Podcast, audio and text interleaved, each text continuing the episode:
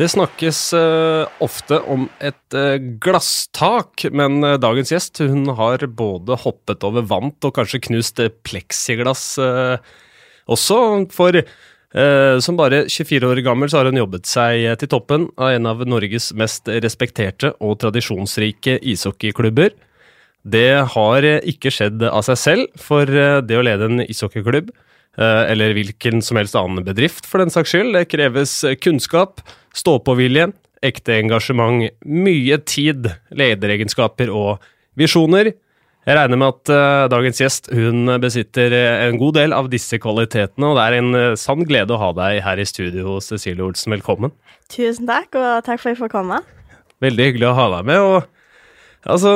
Uh, du er eh, bare 24 år gammel, Hassan, og er øverste sjef i, i Manglerud Star. Hvordan, eh, hvordan, er det? Man, man, må jo være ganske stolt av å ha fått en, eh, en sånn tillit? Ja, nå som det har begynt å synke inn litt, så er jeg, så er jeg veldig stolt. Det er jeg. For at de ønsker å satse på meg, og at de har den tilliten til at jeg klarer å gjøre en skikkelig jobb. Det, det ble jeg veldig stolt av, men det var ikke noe jeg tenkte så mye på når jeg sa ja til det. Det var uh, bare ja med en gang? Ja, jeg tenkte jo at uh, det blei ble litt naturlig for meg, da. Um, jeg hadde ikke noe Jeg var ferdig med studien til sommeren, hadde ikke noe fast utenom. Uh, og når jeg ble spurt om dette, da, så var det ikke så vanskelig å si ja. Um, det er en veldig vanskelig jobb, men det er alltid noe jeg har drømt om å jobbe med, innenfor, altså idretten. Så det var ikke tvil om at jeg skulle si ja. Du må jo fortelle litt om hvordan det her kommer på å skjedde, da. Fordi det er jo Bjørn Danielsen som har, eh, som har leda MS i en god del sesonger nå. Han, eh, Bjørn er en kjempefyr også, men han er jo noen år eldre enn deg, da. Ja, han er vel over ja, tre ganger så eh, mye eldre enn deg, i hvert fall. Eh, men eh, jeg har jo jobba tett med han gjennom de tre forrige sesongene jeg har vært der. Eh, lært han å kjenne, lært styret å kjenne. Eh, og han kjente på det nå at det var på tide at han skulle gjøre noe litt annet. Han har bidratt så ekstremt mye for klubben i mange år, eh, og kjente nå at det var på tide å roe litt ned. Eh, heller fokusere litt på andre oppgaver. Og da hørte han med meg eh, om det her var noe jeg kunne tenke meg. Jeg var jo på kontoret nesten hver dag uansett. Eh, litt andre oppgaver enn det jeg har nå, da. Eh, og det sa jeg ganske fort ja til, kanskje uten å tenke meg helt om. Eh, men da tok han det i hvert fall videre med styret, og de var veldig for at jeg skulle få den oppgaven, da. Så det setter jeg stor pris på. Mm. Men så vidt jeg har skjønt, så, så skal ikke Bjørn uh, gi seg helt. Han skal fortsatt være litt involvert uh, rundt klubben? Ja, han kommer til å jobbe litt mer opp mot uh, sponsor og salg nå. Eh, og så er han jo der eh, hvis jeg trenger hjelp. Hvis jeg mm. kan naturligvis, så er det jo ikke alt jeg kan ennå. Så hvis jeg trenger opplæring i noe, så kan jeg ringe til han eller spørre han. Sitter fortsatt som regel nesten hver dag, i hvert fall over gangen for meg, så det er veldig fint. Og det er bra. Uh, jeg har lest uh, at uh, hockeyinteressen din den, eh, den, ble liksom skapt i DNB Arena, hvor du var på matcher sammen med moren din, stemmer det? Det stemmer. Ja, kan du fortelle litt, litt, mer om deg selv, da, liksom hvor du kommer fra? Ok, DNB Arena, da skjønner jeg at du er fra Stavanger-området, men, men, litt ekstra, og det om idrettsinteresse og litt sånne ting? Ja, um, født og oppvokst på Ålgård. Det er et lite sted ca. 20 minutter fra Stavanger alltid vært eh, veldig idrettsinteressert. Det er, eneste, det er det eneste jeg har brydd meg om nesten opp igjennom. Eh, så når jeg gikk på ungdomsskolen så, og barneskolen for så vidt, så prøv, jeg tror jeg har prøvd alle idretter nesten det er mulig å prøve. Eh, men det var hovedsakelig fotball som var min store idrett, da. Eh, fotballinja i Stavanger, og det er første gang jeg har virkelig følt på at det er der jeg hører hjemme eh, ungdomsskolen så følte jeg meg litt, kanskje litt utenfor, fordi eh, jeg hadde så mye venner som ikke hadde samme interesse som meg for idretten, da. Det var det eneste jeg gjorde. Spilte håndball, spilte fotball. Um, idrett er omtrent det eneste jeg ser på på TV. Uh, så da når jeg kom til Stavanger um, på veien der, så fant du mye mer dine type folk, da. Mm. Uh, og da skjønte jeg veldig godt at det, det er det her som er noe for meg, det er det jeg trives godt med. Mm. Så etter jeg hadde gått på videregående da, så begynte jeg jo etter hvert å studere eh, i Oslo. Jeg gikk på Høgskolen Kristiania, der jeg har tatt en bachelor nå i PR og samfunnspåvirkning. Så det er jo ikke helt en, um, innenfor um, altså det å styre en klubb, da. Men jeg har jo hatt mye altså praksisplasser rundt forbi, um, og jeg har jo vært i klubben i det fjerde sesongen min nå, så jeg har lært eh, veldig mye der. Så ja, så det er vel idrett som egentlig alltid har vært det, det store for meg, da. Hva var det som var så positivt, eller det som liksom skapte den eh, ekstreme hockeyinteressen i DNB Arena? Eh, det var bare noe helt annet enn det jeg hadde vært med på før, da. Eh, når jeg har vokst opp, så har ikke hockey på en måte vært en del av det jeg har tenkt på engang. Visste jo nesten ikke hva det var. Så når jeg kom på min første kamp der, da, det var egentlig bare fordi mamma sin bedrift begynte å sponse de, og hun hadde òg vært på sine første kamper der, og mm. var helt hadde, Hun var så, ble så glad av å gå der. Eh, så hun mente at jeg skulle være med på en sånn kamp, da. Mm. Var litt nølende først, men sa greit, jeg kan være med. Og etter jeg ble med der, da, så har jeg bare gått på hver kamp omtrent fordi det var så spennende. Eh, det var så gøy å se på. Og du blir jo veldig raskt kjent med folk i hockeymiljøet, da. Mm. Så du får jo Ja, du gleder deg til å gå på kamp fordi du treffer òg veldig mye kjekke folk. Altså, den, den, linken mellom deg og liksom eh, Rogaland, da. Uh, Stavanger Oilers, klubbens utvikling der, det kan jo liksom trekkes paralleller til det norske oljeeventyret, nesten. Eh, men de, der er det jo mange eh, ledere som har gjort en veldig god jobb. Eh, Tore Kristiansen selvfølgelig stikker seg ut. Har du noe særlig forhold til han og kan liksom har noen sparringspartner eller noe kjennskap til dem som jobber i Oilers-organisasjonen? Ja, det har jeg. Jeg har blitt kjent med de over årene. Mm. Eh, spesielt Tore, da, som eh, Jeg er jo veldig god venninne med dattera hans. Mm, ok. Eh, og de andre i organisasjonen i Oilers òg har blitt veldig godt kjent med mange over årene. Mm. Og hver gang jeg kommer der, så er det si ifra hvis du trenger noe hjelp, hvis du lurer på noe. Eh, de er veldig villige til å hjelpe. Eh, de vil at norsk hockey skal, hele hockeymiljøet skal utvikle seg, da. Mm. Så det er ikke sånn at de skal, vil holde tilbake informasjon for å ha et konkurransefortrinn eller noen ting sånt. De er bare veldig villige til å hjelpe alle som spør om det. Så det setter jeg jo stor pris på, fordi jeg kan jo ikke Jeg kan jo ikke alt, eh, og det er veldig mye jeg lurer på. Så mm.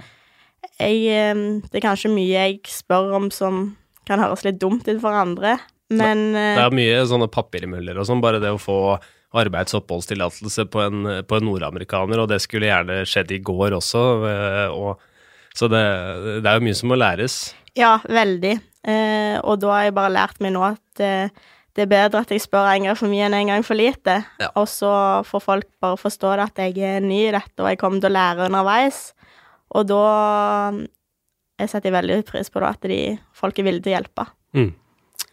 Um, til uh, Altså, det, nå da, når det blei kjent at du skulle inn i daglig lederrollen, så har det jo vært uh, ganske mye medieoppmerksomhet rundt dette. Du har jo liksom har vært gjest i God morgen Norge sammen med Erik Follestad.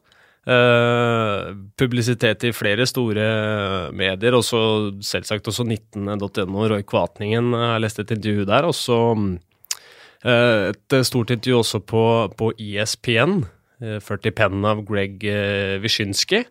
et intervju som jeg absolutt anbefaler, blant annet. Men hvordan, hvordan har det vært for deg de, de siste ukene å liksom være i sentrum av, av søkelyset? Det har vært veldig mye. Jeg er ikke vant med det. Eh, jeg har jo tatt en utdanning innenfor PR og lært mye om medie, eh, men det har jeg jo aldri fått bruk for sjøl, og det er jo noe helt annet. Mm. Eh, så jeg husker det første intervjuet jeg skulle gjøre før jeg offisielt hadde begynt i eh, ny jobb, da. Det var med TV 2 i forbindelse med den streiken, da, mm, ja, og tarifforhandlingene. Mm. Så ble jeg litt kasta inn i det, og måtte stå og svare på hvorfor vi ikke vil heve minstelønn og ulike ting. Eh, så det var veldig skummelt å skulle stå der og bli satt skikkelig på, på prøve. Men eh, jeg har jo lært veldig mye av det.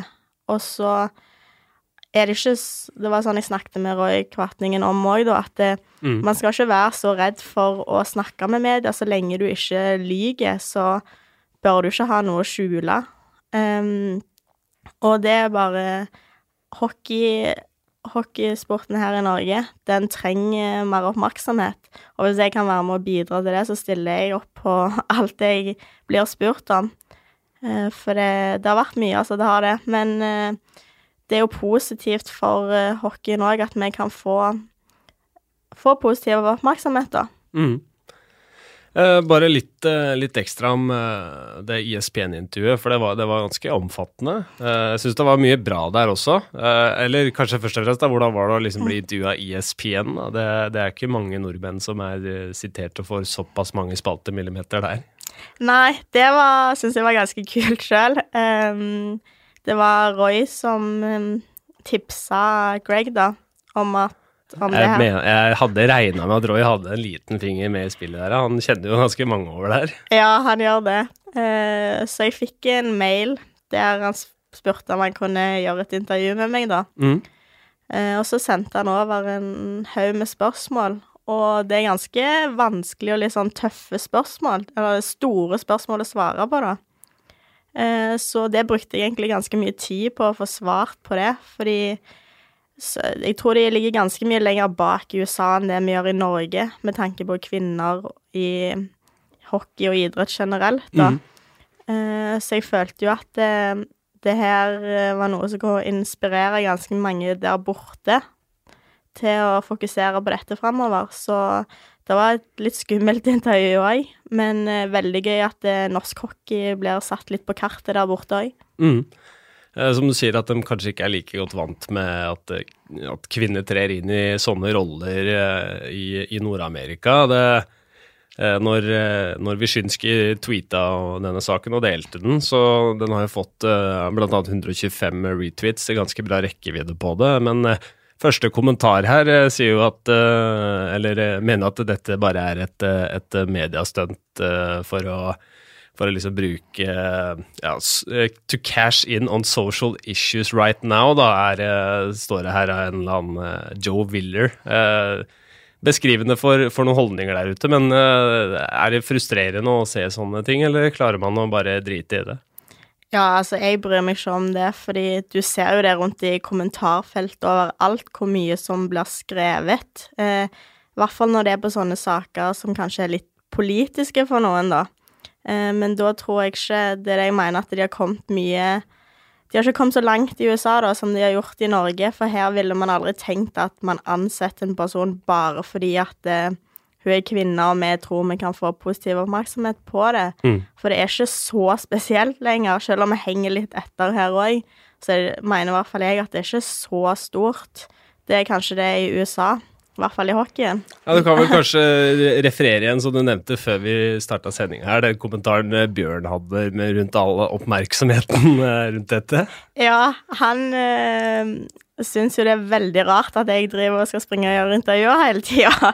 Fordi han syns jo ikke det her Han skjønner ikke hva som er spesielt med dette her. Så han øh, mener jo òg det at det, det er masse jenter i idretten, så han skjønner ikke Mm. hvorfor, det, hvorfor det får så mye oppmerksomhet. Ja, men det er jo sant, det. Det er masse jenter rundt i idretten. Og eh, kanskje som du sier, da, de siste årene så har det vært eh, flere og flere jenter og kvinner som har tredd inn i sli, altså med frivillige, aktive roller rundt, eh, rundt lagene. Eh, Være vær med på markedsføring, styre sosiale mediekontoer, og så er det selvsagt alltid vært mange som har, som har drevet med alle de frivillige tjenestene som må til for at hjulene skal rulle. Eh, sånn administrativt så har det kanskje vært et mer sånn at, eh, naturlig eh, Beklager hvis det feil, hørtes feil ut, men at det blir mer sånn derre eh, regnskap og litt sånne mer roller, med at man får liksom en, en lederrolle, da. Det, det må jo være kult, som for deg også, å få, å få liksom tittelen daglig leder, da. Det er liksom sjefen over alle gutta, da. Ja, det er det absolutt, og, men det er jo kanskje det som har vært litt problemet med hockeyen, da. Mhm. At det, det er de samme altså spillere som legger opp, som går inn i roller i klubben, og det blir aldri plass til nye som kommer utenfra. Og det har jo hockeyen og både alle bedrifter og andre idretter godt av, at man får inn nye syn på ting for å kunne utvikle seg. For det, hockeyklubben er ikke bare altså et idrettslag lenger, det er jo faktisk en bedrift. Mm. Og da må du Du er ikke nødt til å besitte veldig mye hockeykunnskap for å sitte på de administrative jobbene der. Det kan Mm. bare være positivt at du kommer utenfra. Absolutt. Um, i det, jeg tenkte jeg skulle spørre deg litt sånn om veien til, til lederrollen også, og de arbeidsoppgavene du har, eh, du har hatt de siste årene. Fordi det er vel sånn i en hockeyklubb at eh, ja, jo mer tid du bruker i hallen, jo mer ting får du nesten lessa i fanget. For det er ganske mange oppgaver som skal løses eh, i løpet av en sesong. Ja, det er det absolutt, og det er så mye folk ikke tenker over òg. Og det merker jeg jo sjøl nå, i min nye rolle, at det er mye jeg må gjøre som jeg ikke har tenkt over at blir gjort. Men eh, jeg starta jo da som skulle hjelpe til med sosiale medier, eh, og fikk jo ganske raskt flere, flere oppgaver. Um, det har vært altså opp mot å prøve å arrangere ulike arrangement. Mm. For eksempel første året mitt så hadde vi Movember-kamp, så Mm. det er litt sånne ting. Opp mot sponsorer. Um, eh, sponsorsamlinger. Mm. Det har det òg vært veldig mye. Og så har jo jeg vært eh, ganske mye rundt laget, da. Jeg har jo blitt veldig en del av de, så jeg har fått mye oppgaver der òg, om det er å eh, hente hansker til de, sy hansker, um, ja, hva enn de trenger, egentlig, følge de til sykehus når de blir skada. Det, Mm. det er ganske mye forskjellig, da. Kanskje en samtalepartner eh, innimellom òg? Ja, det blir det, og kanskje enda mer nå, for det er jo det noe jeg har prøvd å sette litt fokus på nå i starten, at eh, jeg skal ha samtaler med de. Jeg har ikke Mm. kommet igjennom alle spillerne ennå, men eh, jeg prøver å kalle de inn og snakke med de og si hvis, hva de er fornøyd med, hva de er misfornøyd med, Mm. og ja, la de få vite at hvis det er noe, så kan de snakke med meg, da, fordi det er ganske mange som har, har behov for det, og det er jo mange som har begynt å benytte seg litt av det, da. Mm. Så det tror jeg er viktig for at de skal kunne prestere skikkelig på isen. Mm. Det er eh, Du nevner jo i ESPN-intervjuet at du, du prøver å bry deg om personen og ikke spilleren. Eh, Hva, hva legger du litt i det? Eh, Det er fordi jeg ikke kan, som mange andre kanskje Jeg er ikke bare resultatorientert, da. Hvis de har en dårlig kamp, eller du ser at eh, de har det Det er ganske lett å merke på dem om de ikke har det bra eller ikke. Om de spiller uten sjøltillit. Mm. Eh, Så det å prøve å ta tak i det, og Prøve å snakke med dem. Høre hva som er hva som er galt, eh, fordi de tilbringer veldig mye tid eh, i ishallen. Mange som ikke har eh, veldig godt betalt. Mm. Og da er det så viktig at de trives.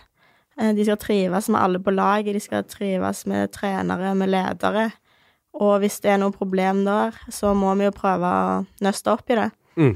Eh, Så jeg tror jeg er veldig Men det handler om meg som person, da, at jeg er veldig mye mer opptatt kanskje av det følelsesaspektet av det, da. Som kanskje mange menn ikke er Nei. i hockeyen. Mm.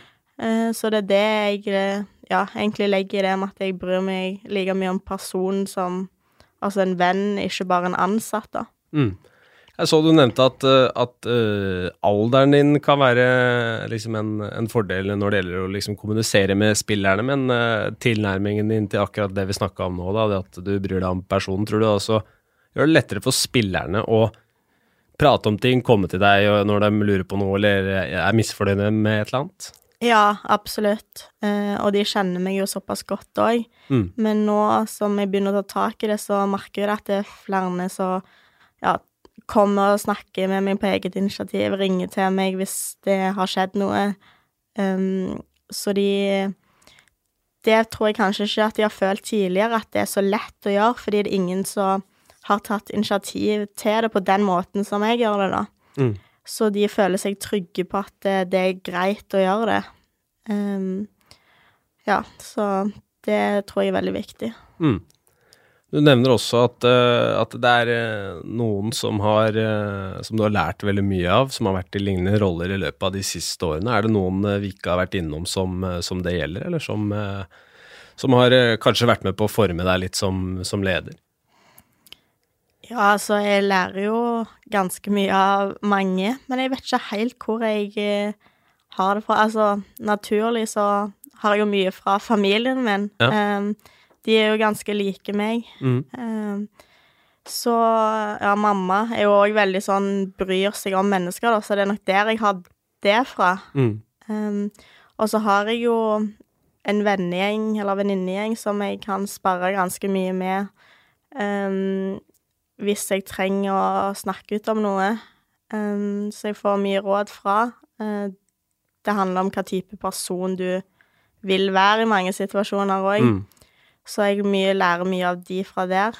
Uh, og så er det jo Altså, jeg har jo lært mye av Bjørn, for eksempel, og alle andre i styret. Ja. Um, og så har jeg òg eh, ja, flere forbundsdelegater og personer i andre klubber som sier fra da, at det, hvis det er noe, så bare si fra, så skal vi prøve å hjelpe deg. Så det setter jeg veldig pris på. Mm.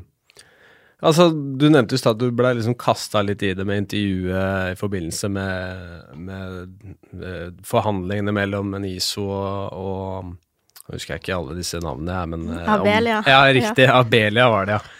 Eh, men samtidig så har det vært noen prosesser som jeg regner med på kontoret er ganske krevende. Det med at, at man har liksom blitt enig med noen spillere om at det kanskje ikke er Eller det beste er at man skiller veier. Mm. Hvordan har de prosessene vært for din del? Det var, det var, ganske tøft å være med på det for første gang. Ja. Um, den første med Eller som jeg var egentlig involvert i, da, det var jo Evan Allen som forsvant fra oss. Ja. Så vi ble enige om at det var best å avslutte det samarbeidet, da. Mm. Og det er ikke det er ikke veldig kult å sitte i et møte der, der man sitter og diskuterer og sier at jeg tror det er best at vi avslutter det her nå.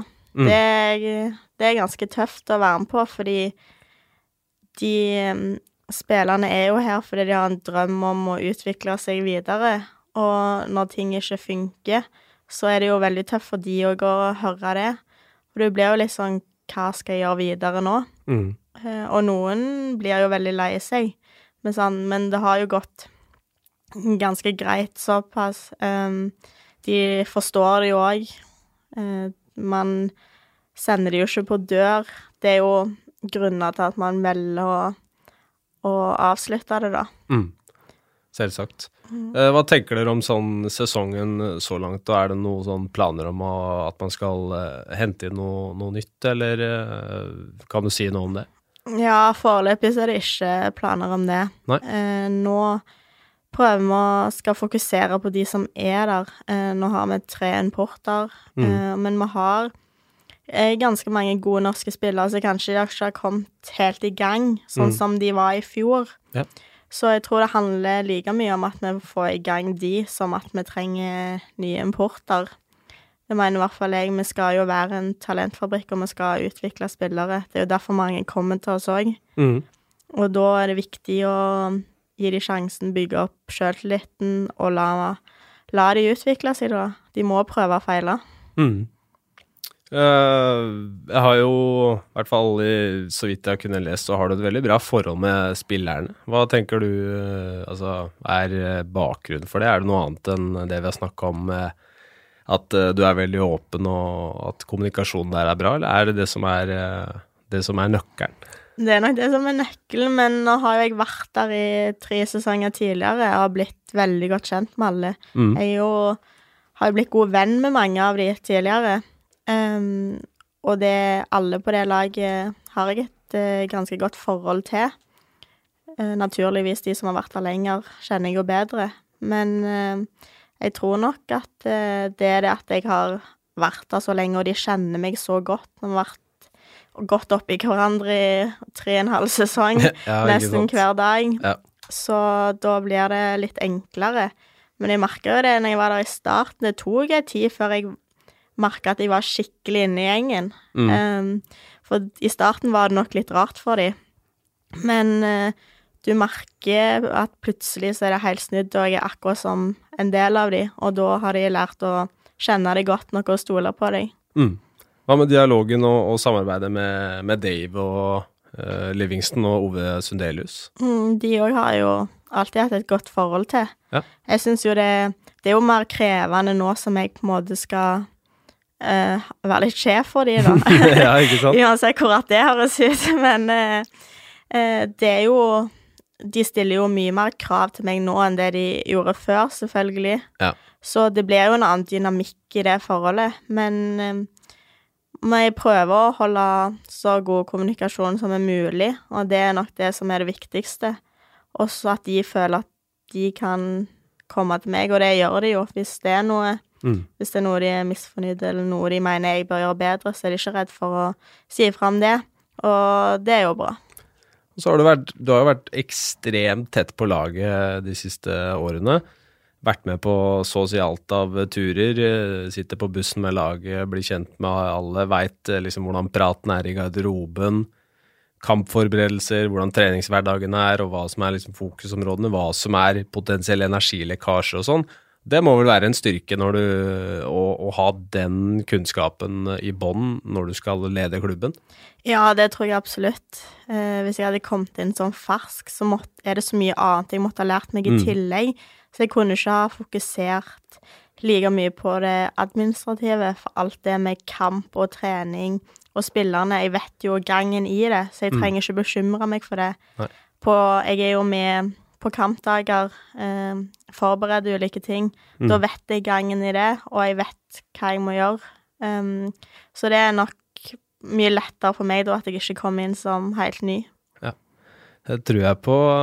Eh, Hva med uh, altså liksom eh, spillesigneringer og lagbygg og den type ting? Når du har vært involvert i den prosessen med at eh, når man skal skille veier, hva tenker du om at man skal være involvert i, i sånne ting, eller har du du har kanskje vært, eh, vært involvert i noe før, eller? Ja, eller ikke sånn veldig mye. Jeg har vært litt i diskusjoner, og det har vært litt diskusjoner nå, naturligvis. ja selvfølgelig. Um, men det er jo altså det er trenerne som står med sportslig ansvar, da. Ja. Men de har jo Altså, de må svare til meg som daglig leder og til styret hvis det skal bli gjort eh, signeringer. Mm. Um, så det er jo hva type spiller vi skal ha. Det blir jo selvfølgelig opp til treneren å avgjøre. Det skal ikke jeg legge meg i. Jeg skal bare legge meg i om det er fornuftig eller ikke å hente inn en ny spiller, da. Mm. Og så får de stå for hvilken spiller det skal være. Ja. Mm. Ehm, hva med altså, sponsorer og økonomi og sånn? Det er jo en utfordring for de aller fleste. Uh, vi har liksom Stavanger Oilers som er blant de største sponsorobjektene i hele landet, mens eh, budsjettet for MS er, eh, er vel en brøkdel av det. Ja, cirka en brøkdel. så det er jo Det er jo kanskje mye Det er veldig tungt å drive idrett i Norge. Mm. Eh, Det er det fordi det er mange som slåss om de samme sponsorkronene. Mm. Så um, det er veldig tøft, det er det absolutt. Eh, Vi jobber jo beinhardt hver uke nå for å få en, prøve å få en nye som vil være med oss på laget. Mm. Det er viktig for oss fremover hvis vi skal henge med. Eh, Det begynner jo å bli veldig store forskjeller mellom altså topp og bunn Ja. i økonomiaspektet, da. Og vi er jo òg nødt til å prøve å være med på det hvis vi skal utvikle oss videre. Mm. Er det den store utfordringen for, for MS, det å øke omsetningen? Ja, det er det. Og inni der så ligger jo òg det med altså ny arena. Ja. Det er jo noe vi er avhengig av for å kunne øke den omsetningen. Ja. Hva, kan du si noe om, om den prosessen der, eller? Ja, altså, vi har nå to ulike prosesser, da, egentlig. Vi Ja. har jo søkt kommunen om å spille på Nye Jordal. Ja, du kan ta det først, egentlig. Ja. Um, ja, vi har sendt uh, formell søknad til kommunen, da, Ja. om å få spille våre hjemmekamper på Nye Jordal når den står klar, Mm. og dele den med Vålerenga. Eh, har vært i møte med kommunen der vi har diskutert hvordan det Ikke veldig nøye, men litt sånn hvordan vi tenker det skulle bli gjort, da. Mm. For det, i dagens samfunn så er det ikke noe problem. Du kan ha digitale vant. Mm. Du kan ha samme isreklame. Alt rundt må bare man bli enig om, Ja. og det er mulig hvis man er villig til det, da. Ja.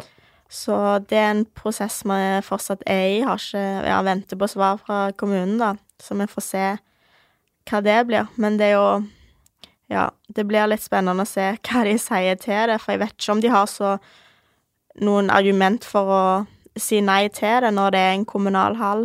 Nei, det virker som eh, Men det virker som de er litt lunkne til det, sånn fra uttalelsene jeg har lest offentlig og, og sånn. Ja, det er de. Og det er vel kanskje naturlig. Vålerenga vil jo selvfølgelig ikke ha oss inn der.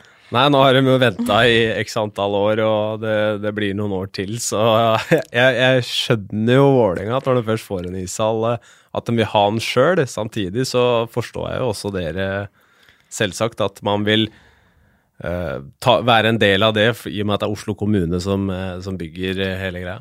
Ja, vi mener jo det at de skal bruke én milliard kroner på en ishall til ett, eller én klubb, da. Ja. Uh, det syns jo vi er helt tullete, mm. egentlig. Man, det er ingen tvil om at Vålerenga fortjener en ny hall, de òg. Det er det ikke tvil om. Men det handler litt om i den størrelsen man gjør det i, da. At du skal bruke én milliard kroner på det, istedenfor å bygge flere haller som mm. eh, er like gode som DNB Arena, for eksempel. Mm. Men du får mer ut av pengene. Ja. Mm, så mm. det er i hvert fall noe vi syns er veldig rart av kommunen, da, fordi Island Føler man seg oversett? Ja, ja. veldig. Man føler jo Vålerenga har en veldig stor posisjon i Oslo, og det har de jo, men man må ikke glemme at det er en annen Gateliga-klubb her òg, som òg har veldig mange medlemmer eh, i breddeavdelingen, mm. eh, som vi sliter med å ha nok istid til. Mm. Nå har vi Man må trene på ulike, altså helt forferdelige tidspunkter, noen av lagene. Ja. Eh, noen av de pleier å dra opp nå på Valle Hovin og spille ute der arrangere sine egne treninger bare for å få nok istid, da. Mm. Så en, en halv der vi er nå, det er altfor lite. Mm. Det er vel noen planer på Rye nå, har jeg hørt? Ja, det jobber man ganske mye med. Eh, det er jo Drømmen vår er jo å ha vår egen hjemmearena. Mm. Og en ishall på Eller to isflater på Ryen, da, sammen med eh, en flerbrukshall der du kan ha innebandy, turn, klatrevegg, ja. ulike ting. Det, det, er en drøm for oss, fordi det er så viktig for de barn og unge i det området. Når vi har én ishall i hele Østensjø-området, Nordstrand, Søndre Nordstrand, de hører jo egentlig òg til oss sånn mm. ishallmessig, da, eh, så er det ikke nok eh, nok istid til noen. Nei. Og da så blir vi jo innestengt nå der vi er òg med Norges største skole. Du får et nytt bad. Så det blir veldig vanskelig å rekruttere nye, da, hvis man ikke har nok, nok isflater til det. For det er ikke sånn at eh, du kan ta Uni-laget vårt, for eksempel. Mm. De har eh, spillere fra 14 forskjellige skoler. Eh, så det er ikke sånn at det bare mangler ut Høyenhall. Det kommer folk fra til oss. Mm. Så det, vi har veldig stort behov for, eh, for flere isflater, da. Ja, og det er vel gjeldende for hele, hele landet? Det er det. Ja. Absolutt. Og ikke minst det med en mer moderne hall for å kunne tilby skikkelige get-kamper og tilby litt mer til sponsorene og publikum, ikke minst. Mm. I, når du sa, snakket om utdanningen din, så nevnte du jo PR og samfunnspåvirkning. Uh, har du lært noen knep på skolen som kan brukes opp mot uh, politikerne, eller?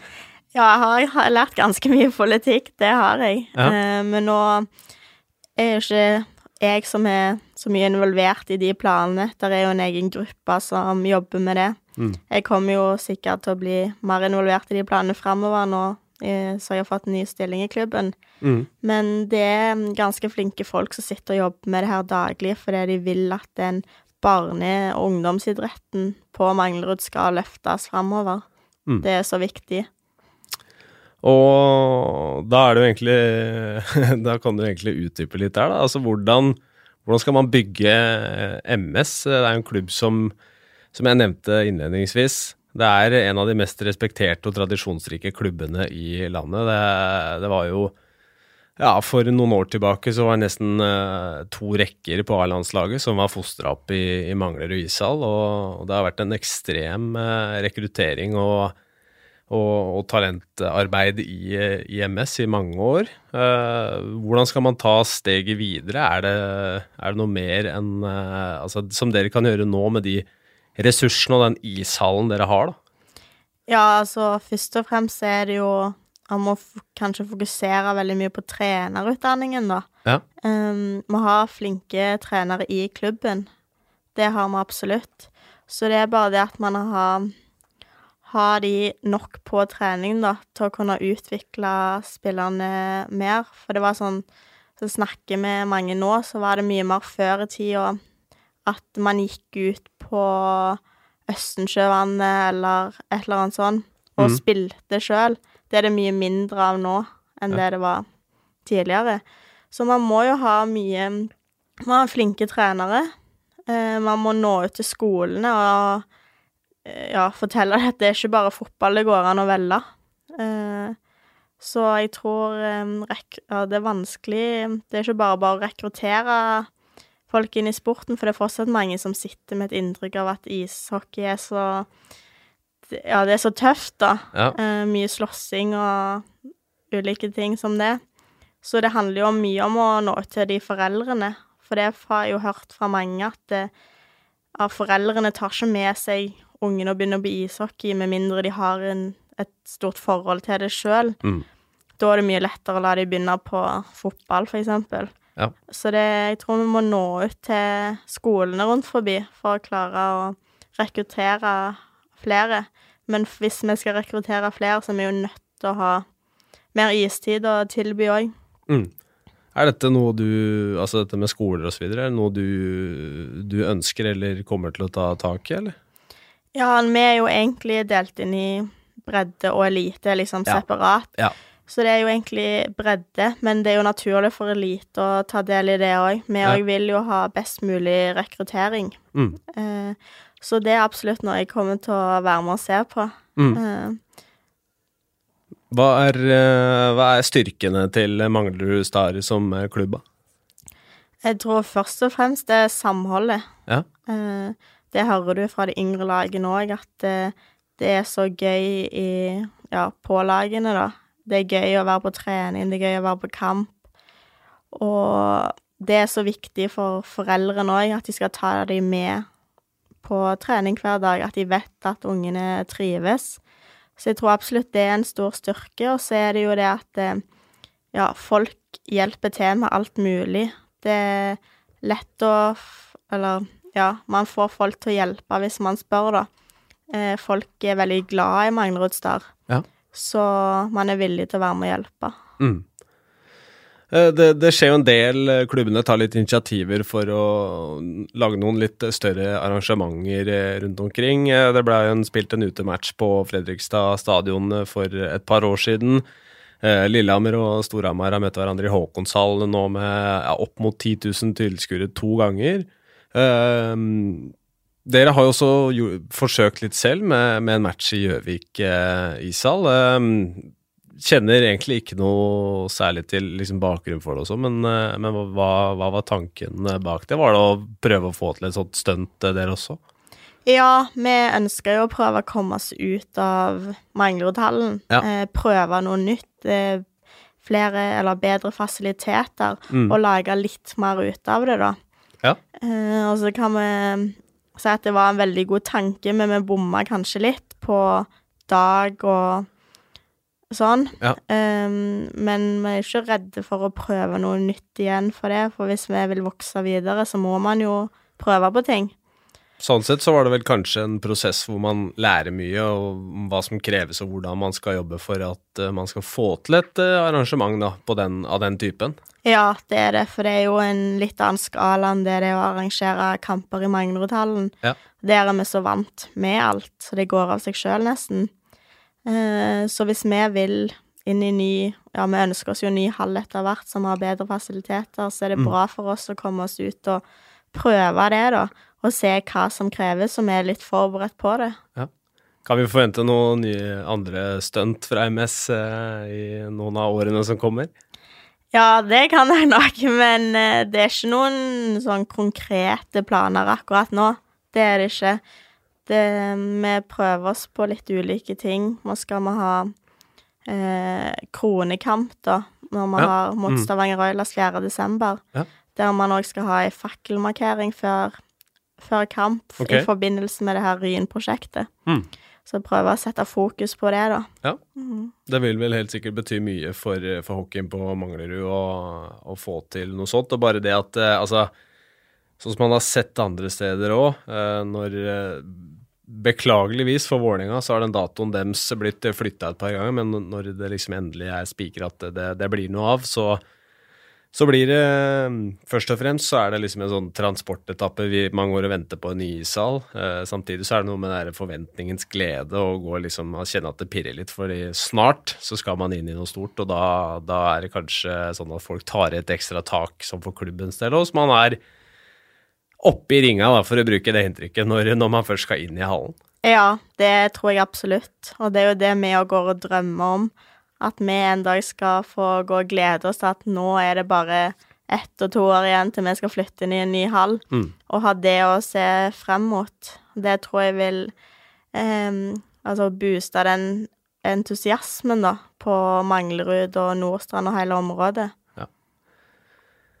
Eh, Da kan vel nesten bare komme med en generell oppfordring til politikere næringsliv at eh, de må spytte inn penger i nye ishaller og idrettsanlegg generelt. Og så kanskje en liten en til vaktmestrene på skolene eh, omkring, at de må spyle fotballbanene om, eh, om vinteren. Ja, det tror jeg hadde vært en god idé.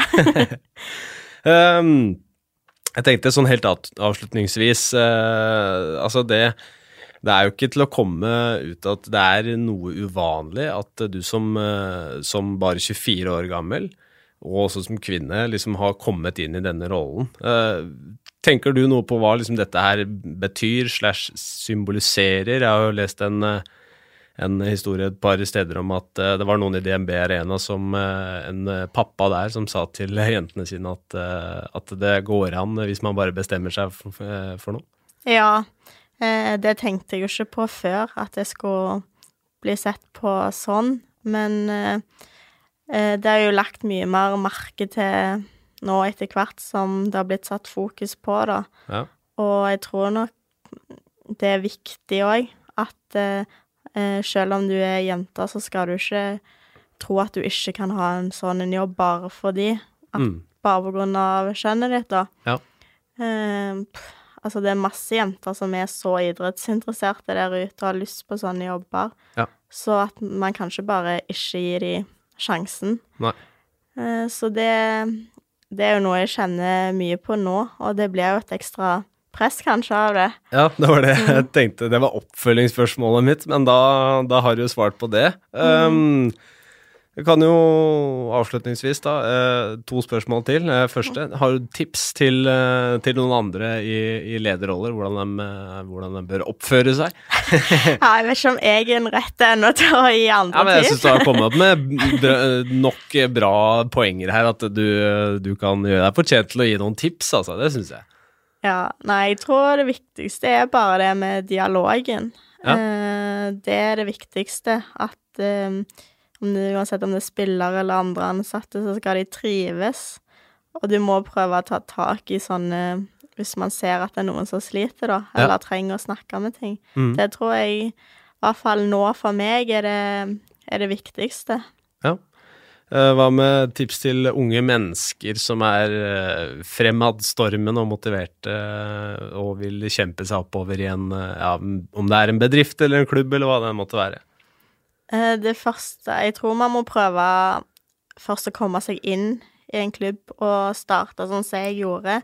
Ja. For jeg tror det blir mye lettere å få en større rolle hvis de kjenner til deg. Ja.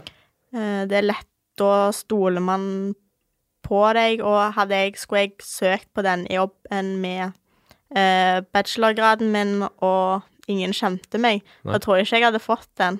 Nei. Men det er fordi de kjenner meg og vet hva jeg kan gjøre, og de stoler på meg, så er det mye lettere å få en sånn jobb, da. Så jeg tror det er viktig å prøve å få seg kontakter og vise hva du kan. Um, for alle, egentlig. Ja, for jeg regner med at du har, uh, du har jobba en del dugnad, for å si det på den måten? Ja, det har vært tre år frivillig, så. det har vært veldig mye dugnad. Men eh, du ser jo nå så lønner det seg jo veldig. Ja. Eh, og du får jo veldig mye erfaringer på veien som er nyttig å ta med seg uansett om du får en sånn type jobb som jeg har fått nå etterpå, eller ikke. Mm. Jeg syns uh, det er mye bra folk kanskje kan uh, ta med seg videre her, og det var uh, veldig, veldig hyggelig å ha deg med i studio, Cecilie. Jo, tusen takk for at jeg fikk være med. Jo, så må dere ha masse lykke til med resten av sesongen. Og til alle dere som hører på, som vanlig så er det med den største takknemlighet at uh, jeg får lov til å drive med det her, og setter også pris på at dere gir oss noen tilbakemeldinger og noen ratinger i iTunes. Vi får noen tilbakemeldinger å ta med oss videre. Så fram til neste episode om et par uker, så er det bare å følge med på TV2 Sumo og TV2 Sport 2 når det er matcher å følge med på. Så høres vi igjen om litt.